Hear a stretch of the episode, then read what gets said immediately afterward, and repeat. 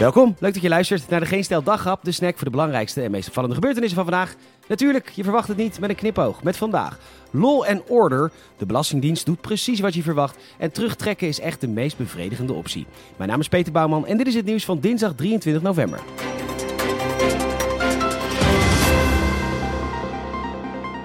Het CDA heeft weer een nieuwe visie voor de drugsaanpak in Nederland. Dat stelt het AD.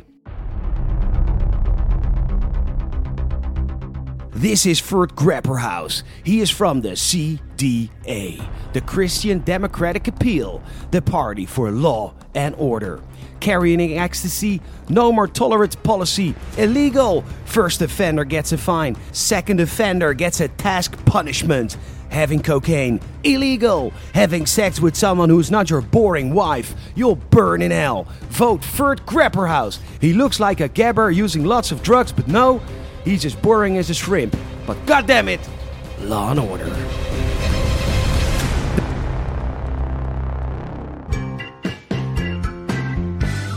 De Belastingdienst, ja, als je er werkt, dan heb je natuurlijk helemaal niks met tegenspraak.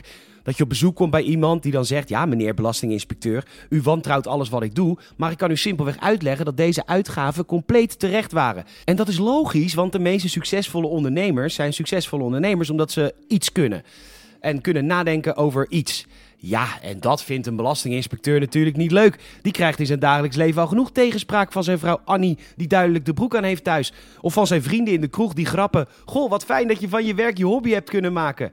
Nee, tegenspraak is helemaal kut als belastinginspecteur. En dan is het maar makkelijker om te focussen op mensen met een laag inkomen. Mensen die keihard moeten werken om de eindjes aan elkaar te knopen. Fiscaal totaal niet interessant zijn, want veel belasting betalen ze niet. Maar ja, het is zo lekker bevredigend om tegen die mensen in te beuken, hè? RTL Nieuws heeft dit dus onthuld dat die grote mannen van de Belastingdienst vooral jacht maken op mensen die al amper belasting betalen. Laaghangend fruit dat niet zo weerbaar is. Wat zullen de mannen van de Belastingdienst heerlijk slapen? Kijk, als de publieke omroep geen D66 promotiedocumentaires maakt in de naam van de VPRO, dan kan het best een mooie nieuwsvoorziening zijn. Totdat echter een directeur van Pfizer bij de journaals en de talkshowtafels aanschrijft om te vertellen dat de Pfizer-vaccins toch echt fantastisch hun werk doen.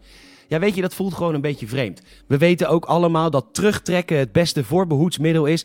Maar dan hoeven we nog geen katholieke priester bij opeen te zien die komt praten over het zingen voor de kerk uit. Gelukkig oordeelt de stichting Code Geneesmiddelen Reclame nu ook dat Mark Kaptein, de baas van Pfizer in Nederland, helemaal geen uitleg had mogen geven over een nieuwe coronabehandeling. Dat deed hij op 5 november, maar het geneesmiddel was nog helemaal niet geregistreerd. Tip voor alle uitzendingen: voorkomen is beter dan genezen. Dus werkt terugtrekken echt weer het beste. Gewoon al die vaccinboeren terugtrekken uit alle talkshows. Dat geeft echt het meest bevredigende resultaat.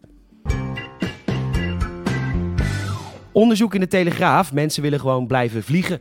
Dat meldt het Kennisinstituut voor Mobiliteit. 80% van de Nederlanders is positief over de luchtvaart en 60% vindt groei acceptabel. 40% van de ondervraagden is voor krimp. Onze voorspelling, onder deze 40% zitten heel veel frequent flyers als Frans Timmermans en milieuactivisten die zichzelf lekker willen opzoeken in Thailand. Want heel gek, ik kan mezelf nooit vinden in de heuvels van Limburg. Nee, daar ben ik gewoon nooit. Dan de zakelijke vlieger, die kijkt wel naar alternatieven voor afstanden tot 750 kilometer. De trein, wel nee, dan ben je drie dagen onderweg. Zij zien vooral de auto als alternatief, waardoor het verbieden van korte vluchten per saldo tot meer CO2-uitstoot leidt. Ja, en met die positieve noot willen we toch eindigen vandaag. Bedankt voor het luisteren. Je zou ons enorm helpen als je een vriend of vriendin vertelt over deze podcast. Je kan een Apple Podcast review achterlaten, 5 sterren alsjeblieft. En je kan ons volgen via vriendvandeshow.nl of Spotify. Krijg je een hartje als er een nieuwe dag op verschijnt. Nogmaals bedankt voor het luisteren en tot morgen.